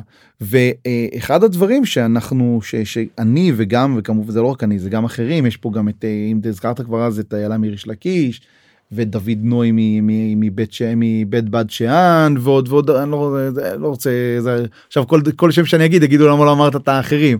יש פה עוד הרבה הרבה הרבה אחרים תוך העסק הזה. אמ, שאנחנו כולנו מנסים להכניס אה, את הידע לתוך העסק הזה זאת אומרת אה, אם אתה נוטע אתמול ישבתי ודיברתי עם חקלאי ש, שאני מלווה ואמרתי לו תגיד רגע למה אתה אנחנו, אתה, אתה רוצה להשאיר פישולין אצלך זה זן שלא שלא מצליח באזור מישור חוף אז למה להשאיר אותו למה לא לשים זנים אחרים שמצליחים יותר, שנותנים יותר יבול, ש, ש, ש, שהסירוגיות שלהם יותר נמוכה. זאת אומרת, זה לא, זה לא הגיוני לעשות דברים רק כי אחרים עשו. זה אפשר לא... להחליף uh, מטע או שצריך לעקור ולשים חדש? אפשר, ל... אפשר לעקור אפשר ולשים מטע, אפשר לעשות הרכבות, יש פתרונות לדברים האלה, הם פתרונות uh, יחסית פשוטים, אבל uh, הבעיה שלנו זה שגם ברמה הגידולית וגם ברמה uh, ברמת איכות השמן וייצור השמן, uh, אנחנו עדיין לא מצליחים להרגיל חקלאים להיות מספיק מודעים לכמות הידע שיש. וזה ידע שהוא מונגש זאת אומרת זה לא ידע שנמצא באיזושהי אה, באיזשהו מגדל שן זה ידע שמונגש הוא פשוט לא לא משתמשים בו וזה נורא נורא חבל. אה, וזה גם בייצור שמן אני מגיע לבתי בד אה, ואז אני שומע את הזה תגיד השנה כל השמן יוצא מריר. לא יודע כל השמן איפה כל השמן שלך כל השמן מזן מסוים. כל השמן באזור, כל השמן בבית בד, מה זה כל השמן יוצא מריר? לא, כי כל השמן השנה אני שומע. זה לא, מה, מה זה שמן? זה... בוא נחזור למה שמעניין את ה foodies. כן. יש המון סוגים של שמן זית. מה ההבדלים ביניהם? איך בוחרים אותם? מאפיינים? יש שמנים מרירים וחריפים, יש שמנים עדינים. אתה יכול לתת קצת כללי אצבע, איך לגשת לזה בכלל? אז יש לנו את זה, באופן כללי, אה, למעט יוצאי דופן אה, ככל ששמן אה, נמסק כשיעור זיתים נמסקים יותר בשלים הם השמן מתעדן. זאת אומרת סורי שנמסק עכשיו יהיה משמעותית יותר עדין מסורי שנמסק לפני חודש. וכך זה כמעט עובר על פני כל כל זן. יש יוצאים מן הכלל ספציפיים שמצליחים לשמור על מרירות וחריפות גבוהים גם כשהם בשלים. אה, זנים כמו פישולין, כמו קורטינה, אה, זה פחות או יותר. איך מתאימים שמן זית למנה? בזהירות. אה, זה, זה, זה עובד, זה יכול לעבוד בשני, בשני כיוונים עיקריים. או לייצר קונטרסט או לייצר השלמה. וזה נורא תלוי במה, אנחנו רוצים לייצר בתוך המנה, זאת אומרת אם אנחנו רוצים לייצר ניגודיות שתבליט טעמים מסוימים, אה, או שתעשיר ותעמיק מנה, או שאנחנו רוצים לייצר השלמה שתהפוך את המנה לעגולה יותר, אה, או לייצר לה, או לתרום לה מרקם מסוים ש, ש, שעוד אין לה, לייצר עושר טעמים על הלשון, שהשמן מסוגל לייצר, כי הוא שומני ושומן מייצר עושר טעמים בפלטה שלנו בתוך הפה. זה נורא תלוי מה רוצים להשיג. באופן כללי אה, צריך לקחת בחשבון שמרירות בעיקר מרירות אה, לא מתפרקת ב... לא נוטה להתפרק בחום. אוקיי זאת אומרת היא יחסית תשמור על עצמה אה, כמרירה גם בעת חימום ולכן אם אנחנו למשל תוך לצורך העניין עוד רגע חנוכה אז מטגנים סופגניות בשמן זית שזה משהו שאני עושה אין לי שמן אחר בבית לא רק אני גם אחר הרבה אחרים שאני מכיר אין שמן אחר בבית משתמשים רק בשמן זית אז לטגן שמן זית בקורטינה עשוי להיות לא כל כך מוצלח כי הוא יהפוך יהיה לא טעים יהיה מריר סופגניה ו... למרירה. לעומת זאת לטגן שמן זית לטגן שמן זית לטגן אה, סופגניה בארבקינה בבר, בברנע בשל בסורי בשל בלצ'ינו אה, אפילו בפיקואל בשל אה, או בקורונייקי יניב אה, תוצאות מופלאות. מופלאות כי הארומות אנחנו מריחים את השמן אה, יש לו ארומה ירוקה וזה אני לא רוצה שייכנס צריך לזכור שהארומות האלה מתנדפות בחום. הן לא נמצאות בתוך השמן. בגדול מה שאני לא מנסה, לא נמצאות בתוך המאכל. מה שאני מנסה לכוון זה שיש מגוון מאוד מאוד גדול גם של ארומות גם של טעמים גם של מרקמים רמת שומניות אחרת שמורגשת על הלשון. בין הזנים השונים ומי שלא מנסה בעצם לא יכול לדעת כמו שאתה לא יודע אם שמן זית יהיה לך אה, אה, יין יהיה לך טעים או לא עד שלא טעמת אותו בעצם אותו דבר בשמן זית. בדיוק. אמ, צריך גם לזכור שאנחנו אם, אם אתה לא תואם אה, מומחה או לא למדת את, ה, את נושא טעימת שמן זית היכולת שלך אה, להבין האם השמן שאותו אתה קנית רכשת הוא איכותי או לא איכותי היא יכולת מוגבלת מאוד. אה, נדבר על זה תכף אבל גם מי שלא למד יודע להריח ולהגיד מריח לי נעים או מריח לי לא משמעית. נעים, יודע להגיד טעים לי לא טעים לי, שזה בסוף הכי חשוב. זה הכי חשוב זה, זה אתה יודע מה זה אני חושב אפילו הדבר היחידי שחשוב. כי בסוף אה, אם קנית שמן טוב ככל שיהיה לדעתי כמומחה לשמן זית אבל הוא לא טעים לך אז לא עשינו כלום. אתן לך דוגמה אנחנו נוטים אה, גם כאנשים שמתעסקים בשמן זית או לפעמים אפילו גם כפודיז להעריך יותר אה, אה, טעמים יותר עוצמתיים כי אנחנו כבר אה, מבינים ואנחנו מכירים והפה שלנו יותר מפותח ויותר אה, ועם יותר ניסיון ואנחנו לפעמים שמים בצד את הטעמים אה, לא לא מעריכים מספיק את המוצרים העדינים. ו... בין השאר כי נדפקה לנו הפלטה מרוב אה, סוכר וכל מיני דברים אחרים. לא, אני, אני, אני לוקח את זה קצת אפילו אחורה יותר, לאלה שכבר מובים, מודעים ויודעים. אה, זה, זה קורה בהרבה מאוד אה, מוצרי מזון. ופה נגיד הבאתי לך בקבוק של... אה, אנחנו של- תכף נטעם אל תגלה לי מה זה.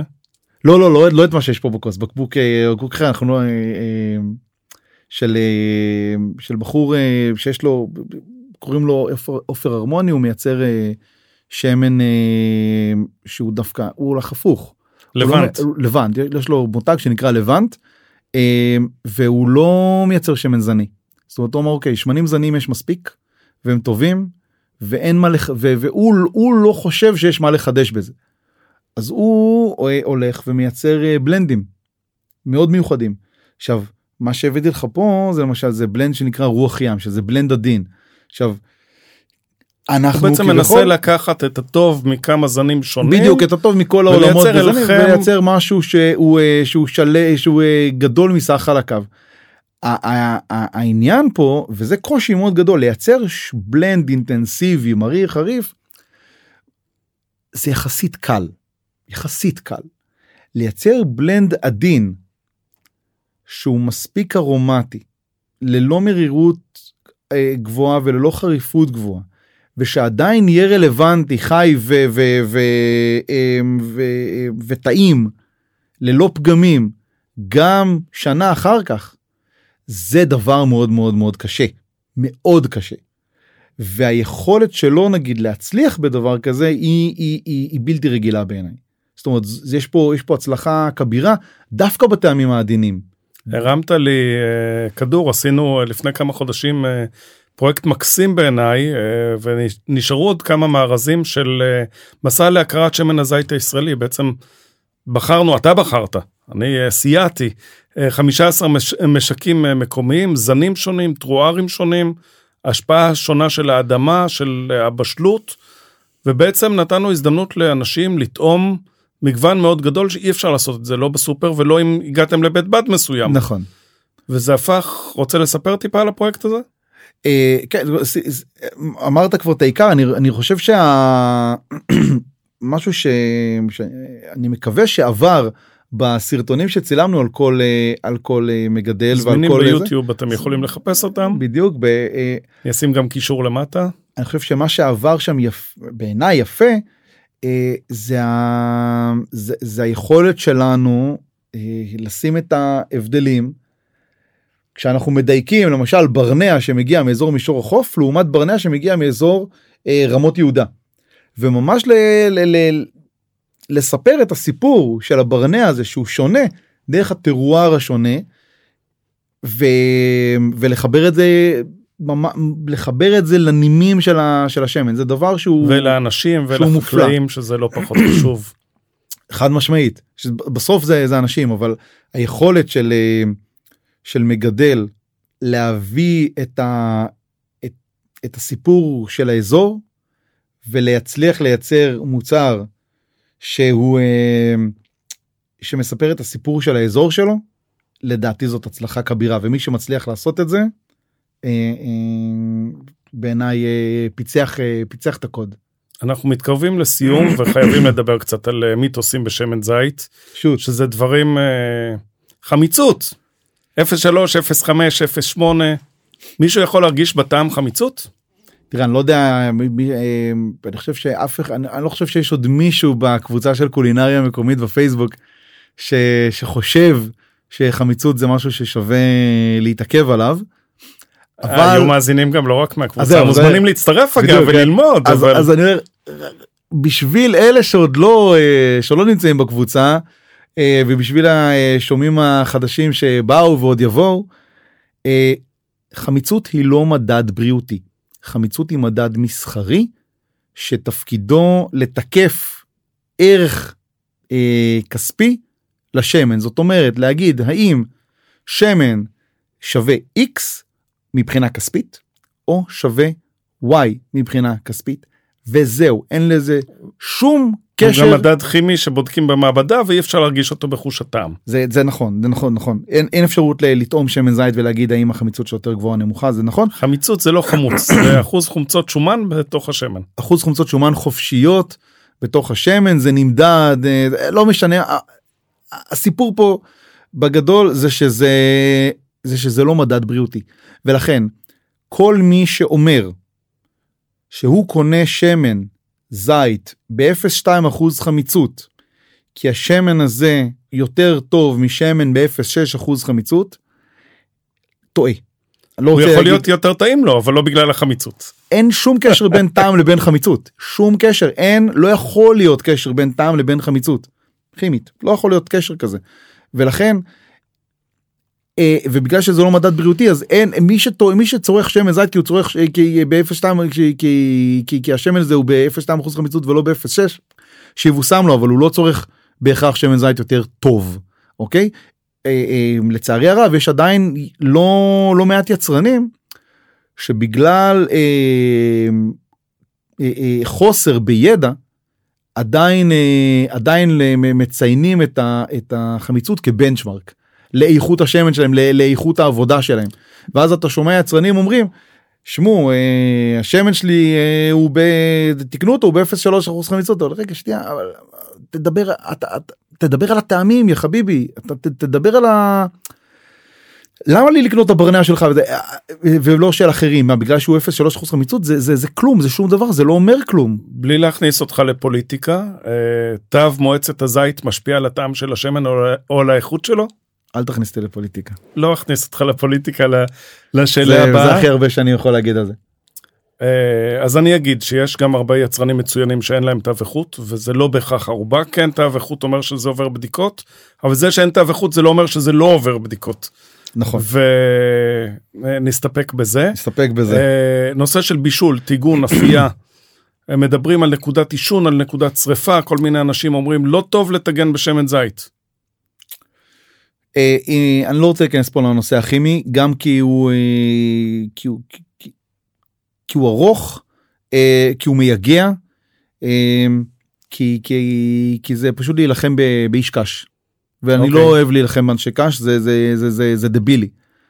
אני רוצה לדבר על ה... על ה... לדבר על הנושא הזה מהמקום התרבותי. אין מדינה מסביב לים התיכון ששמן זית הוא לא מוצר בסיס בתזונה שלה, הוא לא מוצר בסיס במטבח שלה, על כל שימושיו, על כל שימושיו. אמ, וזה שאנחנו לוקחים מוצר שהוא בריא נקודה, בלי יותר או פחות, הוא בריא נקודה. שמן זית הוא שמן בריא נקודה. וזה שאנחנו לוקחים מוצר שהוא אה, מוצר מקומי, נקודה, אוקיי? ומנסים כל הזמן למצוא לו תחליפים, זה, סליחה שאני משתמש במילה הבוטה הזאת, זה פשוט בעיניי זה אידיוטי.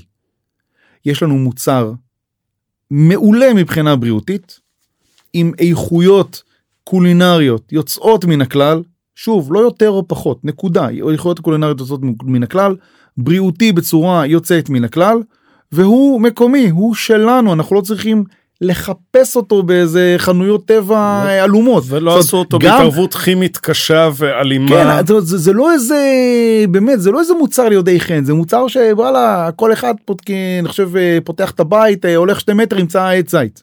גם אם זה בשדרה בעיר וגם אם זה ב, ב, ביישוב.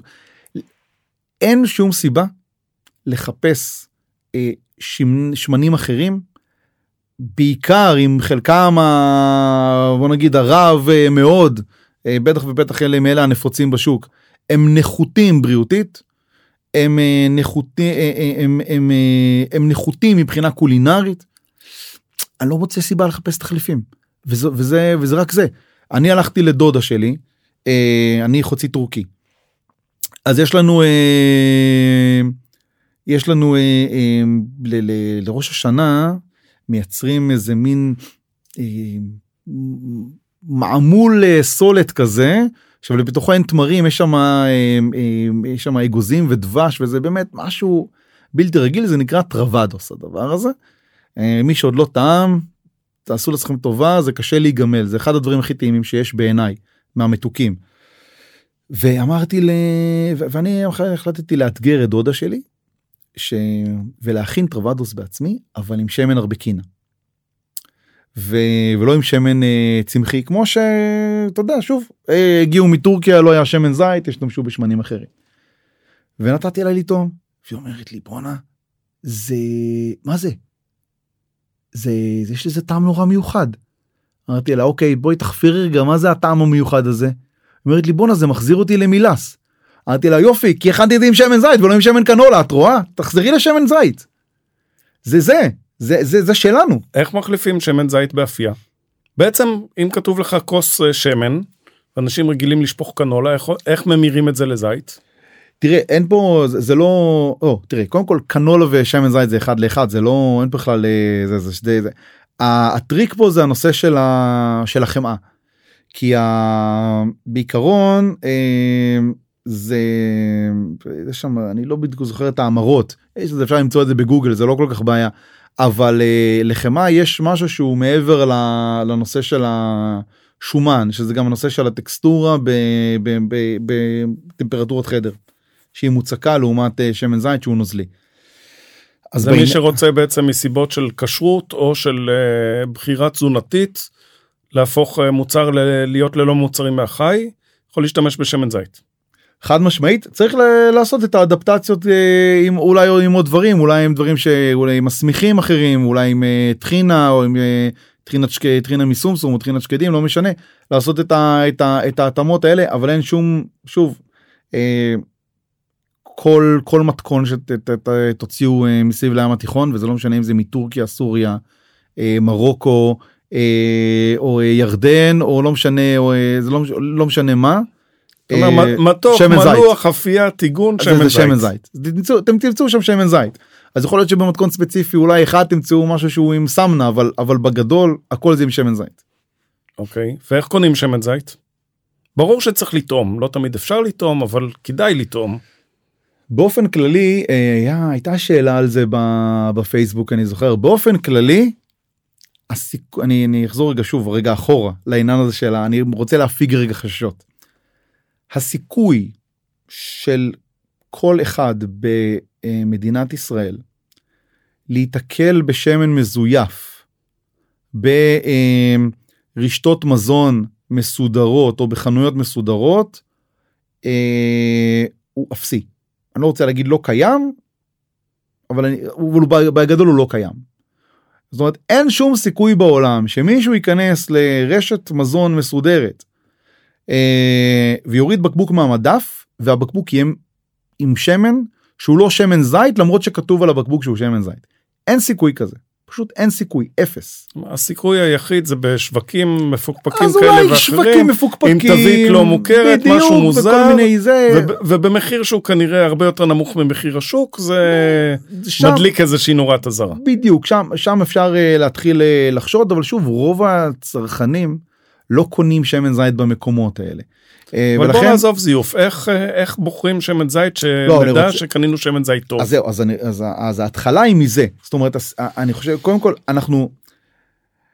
אני כן רוצה לחזור לזיוף מסיבה זה כי מה הבעיה הבעיה זה שאני לא יודע עכשיו ל, ל, ל, ל, זה אבל יש הרבה מאוד מוצרי מזון שיש בהם זיופים אה, גם ביין אה, עושים דברים לא רק גם יינות מחול שהם לא לא תקינים שהם לא לפי התקן ועדיין אף אחד בתעשיית היין לא מדבר על זה ולא מפחיד אנשים לצרוך יין אנחנו תעשיית שמן הזית היא התעשייה היחידה בישראל שכל הזמן עסוקה בלהפחיד אה, צרכנים מלצרוך את המוצר שלה זה לא הגיוני. זה פשוט לא הגיוני זה לא נתפס הדבר הזה אנחנו כל הזמן עוסקים תיזהרו מזיופים תיזהרו שלא יעבדו עליכם תיזהרו מזה האמת שבתחום המזון מזייפים הכל. נכון אני הרי משוגע שרץ לכל מקום לראות בעיניים. ובדבש מזייפים אתה יודע את דבר, הדברים נכון. ואני אומר תפסיקו לפחד תפסיקו לפחד לא בגלל ש... ש... שאני אה, תצרכו יותר שמן זית תפסיקו לפחד כי הסיכוי שכל אחד ואחד מאלה ששומעים את, ה... אה, את הפודקאסט הזה ייתקל בשמן זית מזויף הוא אפסי הוא כל כך אפסי שתחששו ממכת ברק הרבה יותר מזה אוקיי? אה, פשוט תקנו שמן זית תהנו משמן זית. אם הוא טעים לכם תמשיכו לקנות וזה לא משנה איפה. ואם uh, הוא לא טעים לכם תקנו מותג תקנו מותג אחר ותנסו מותג אחר. והטעם שלכם לאט לאט גם ילך ויתייקר כמו שקורה ביין ו- ואתם תצרכו שמנים יותר איכותיים. הזדמנות להגיד שכמעט כל החקלאים בארץ שמגדלים שמן זית יש להם מרכזי מבקרים. יש הזדמנות לבוא ולטעום ולבחור מה רוצים לקנות. וחוץ ואני- מזה שכמו יין תנסו דברים חדשים שלא הכרתם אתם לא אה, מגיעים לחנות יין ומבקשים לטעום את כל היינות כדי לבחור. גם פה תנסו פעם דבר אחד ופעם דבר אחר ותגלו מה טעים לכם. נכון ואני גם אגיד יותר מזה. אה, כשאם אני בתור אה, מומחה שמן זית בוחן את איכות שמן הזית בישראל במקומות הטובים אה, ושוב אנחנו יכולים לעשות פה את ה-name dropping הזה אם זה שמחה מרומי מצפה רמון מסיק מגל ארץ גשור גלילי בעמק בזה ואיילה ועוד ועוד אחרים רבים אחרים שוב.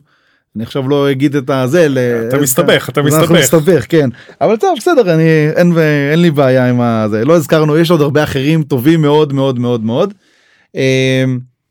אז אם אנחנו אמ, מדברים על איכויות של שמן זית איכותי כמו אלה שהזכרתי ועוד רבים אחרים ומסתכלים על המחירים שלהם מחירי שמן הזית האיכותי בארץ הם under price לעומת שמנים באיכות דומה באירופה. זאת אומרת שמן זית ספרדי באיכות של לדוגמה מסיק מגל או איילה מריש לקיש או ואחרים אה, יהיה במחיר יותר גבוה ממה שניתן למצוא אותו פה בארץ. ולכן אה, אפשר לדבר הרבה על, אה, על, אה, על מחירים יותר יקרים יותר נמוכים אבל בסוף שמן זית איכותי בארץ כשאני משווה אותו לאירופה הוא לגמרי value for money וכשמגיעים לפה עכשיו כבר פחות בגלל הקורונה אבל כשהגיעו לפה בעבר שופטי שמן זית ומומחים לשמן זית מחוץ לארץ כשהם ראו את המחירים וטעמו את השמנים אמרו בואנה זה תביא תביא אצלנו זה יותר יקר אוקיי. אוקיי איך בעצם תואמים שמן זית? הגעתי לעודד, לאיילה, ל... לא משנה, ל... לשרון, ורציתי לטעום שמן זית. הגעתי, יש, יש כמה סוגים של שמני זית, ונותנים לי לטעום איך לגשת לזה בכלל. קודם כל בזהירות שלא יישפך על החולצה זה עושה כתמים הנה, קיבלתי, הבאת לי אה, שמן זית לטעום. כן אז קודם כל מה שאנחנו טועמים פה לא רואים אבל אנחנו טועמים פה בכוס כחולה שזה כוס אה, אה, שהיא כהה. הסיבה שהיא כהה זה כדי שאנחנו לא נראה לא את הצבע של השמן ולא את העכירות שלו כי זה משפיע על הדעות הקדומות שלנו. אה, ושוב אה, למי שעוד לא יודע אין קשר בין צבע השמן והעכירות שלו או הצלילות שלו לבין איכותו הוא יכול להיות ירוק מאוד ומקולקל והוא יכול להיות אה, צהוב בהיר צלול ומצוין זאת אומרת אין קשר בין שניהם. ועוד דבר שהכוס הזאת עושה היא מרכזת את הטעמים אה, לכיוון האמצע ובעצם מאפשרת לנו לארח אותם בצורה מאוד מדויקת וחדה. אה, מה שיש לך פה בכוס זה דבר שמן ראשון, מריחים. מריחים קודם כל מריחים. אה, יכול להגיד לך שהשמן הזה יש ריח מאוד מאוד בולט של, אה, של דשא קצור, של אולי קצת אה, עשבי טיבול. כן. מאוד בולט. מאוד בכלל, בולט. גם, גם שמן שקונים בסופר. לשפוך קצת לכוס ולהריח אותו. לגמרי למרות שהריח שלו נעים. לגמרי לפעמים הריח שלו לא נעים ואז פחות כדאי, אפשר לטגן איתו אבל פחות לטבל. כן אם הריח שלו לא טעים אפשר פשוט ללכת לקנות בקבוק אחר ולהפוך את השמן הזה לשמן לטיגון ובישול זה אין שום בעיה עם זה אני עושה את זה גם בבית. הש... אחרי שהערכנו אותו והשמן אה, תקין לנו נעים לנו אנחנו תואמים לא ישר בולעים כי אז אנחנו נקבל חריפות מאוד גבוהה אה, בגרון ונשתעל אה, ונפספס גם הרבה מאוד טעמים אנחנו נותנים לו רגע לנוח על ה, על ה, בתוך הפה לוקחים אוויר ואז אה, ואז אה, בולעים אותו וככה מתבצעת אה, טעימה שלמה ואנחנו מקבלים את כל מה שיש לשמן הזית להציע. התרחקתי טיפה מהמיקרופון כדי לא לעשות uh, רעשים, אבל השמן הזה מרגישים חריפות חזקה יחסית, טעמים עמוקים של עגבניות בשלות, של... כאילו זה מהסדרה של הסורים, הייתי צריך לנחש. אז אתה צודק זה סורי אה, זה סורי יוצא מגדר הרגיל שמגיע הטעם מ... הטעם שלו אחר הוא לא טעם שאני רגיל מסורי. נכון זה סורי באמת מיוחד הוא מגיע מחקלאי אה, דרוזי מעוספיא בשם כרמל וגם למותג שלו קוראים כרמל. אה, אה, וזה זה פשוט לא יאמן הבן אדם מטפל בזיתים שלו בצורה שאני לא ראיתי חקלאי בארץ מטפל בהם. הוא ממיין אותם במסיק לזיתים ירוקים וזיתים בשלים ומפיק אותם בנפרד וזה מדהים מה שהוא עושה איתם. והוא מגיע עם השמן שלו להישגים בלתי רגילים. אז שווה אז גם איפה גם מוצאים את השמן שלו אה, בעוספיא אני אשאיר אה, אני אשאיר לך אין לו אתר אוקיי. וזה הוא באמת אה, הוא מאוד זה, זה גם קטן וזה הוא גם הוא גם בחור נורא ביישן. אה, כשאתה מגיע מתחיל לדבר איתו על זה, זה, זה לא זה לא אני זה הזיתים אני רק פה הוא מאוד מאוד אה, הוא מאוד מאוד צנוע בנושא הזה. עולות לי עוד מיליון שאלות בראש על זיתים למאכל על דברים אחרים אי אפשר להגיע להכל אה, עשינו פרק אה, ארוך מהרגיל ויש לי הרגשה שאנחנו אה, ניפגש עוד פעם להמשיך את הנושא המרתק הזה של שמן זית ושל זיתים בכלל. עם מה היית רוצה לסיים? עם מה מסיימים פה? עם להרים כוסית שמן זית אבל מסר לאומה למאזינים עוד משהו לקחת. לא אה. נגיד עוד פעם ששמן זית שונא אור ושונא חום וצריך לשמור אותו בזכוכית או בפח זכוכית אטומה ולא בפלסטיק ולהשתמש כן, בו מהר. כן, לא, לא דיברנו על זה, אבל... באמת פלסטיק זה אויב גדול מאוד של שמן זית, אל, אל תקנו ואל תשתמשו אף פעם בשמן זית ששהה בפלסטיק. אבל אה, אם אני רוצה משהו לסיום, אז אני אחזור אה, על משהו ש, שאני חושב שכבר אמרתי. שמן זית זה שמן של הים התיכון, אנחנו מדינה ים תיכונית. אה, שמן זית אה, ניתן למצוא במחירים שווים לכל נפש אה, בסופרים וגם ב-value for money, באיכות שלו לעומת המחיר שלו גם במקומות אחרים של, של תוצרת מקומית מעולה מעולה מעולה מעולה שנמכרת במחירים באמת הרבה יותר נמוכים ממה שמגיע לה להימכר. ותשתמשו בשמן זית אין לנו שום סיבה לחפש שמן זית, אה, שמן, אה, שמן אחר, רק שמן זית. זה השמן שלנו. תודה רבה אהוד, היה מרתק, היה מעניין, ואני מת לטעום איזה עוד שמני זית הבאת איתך. הנה פה בחוץ, מיד.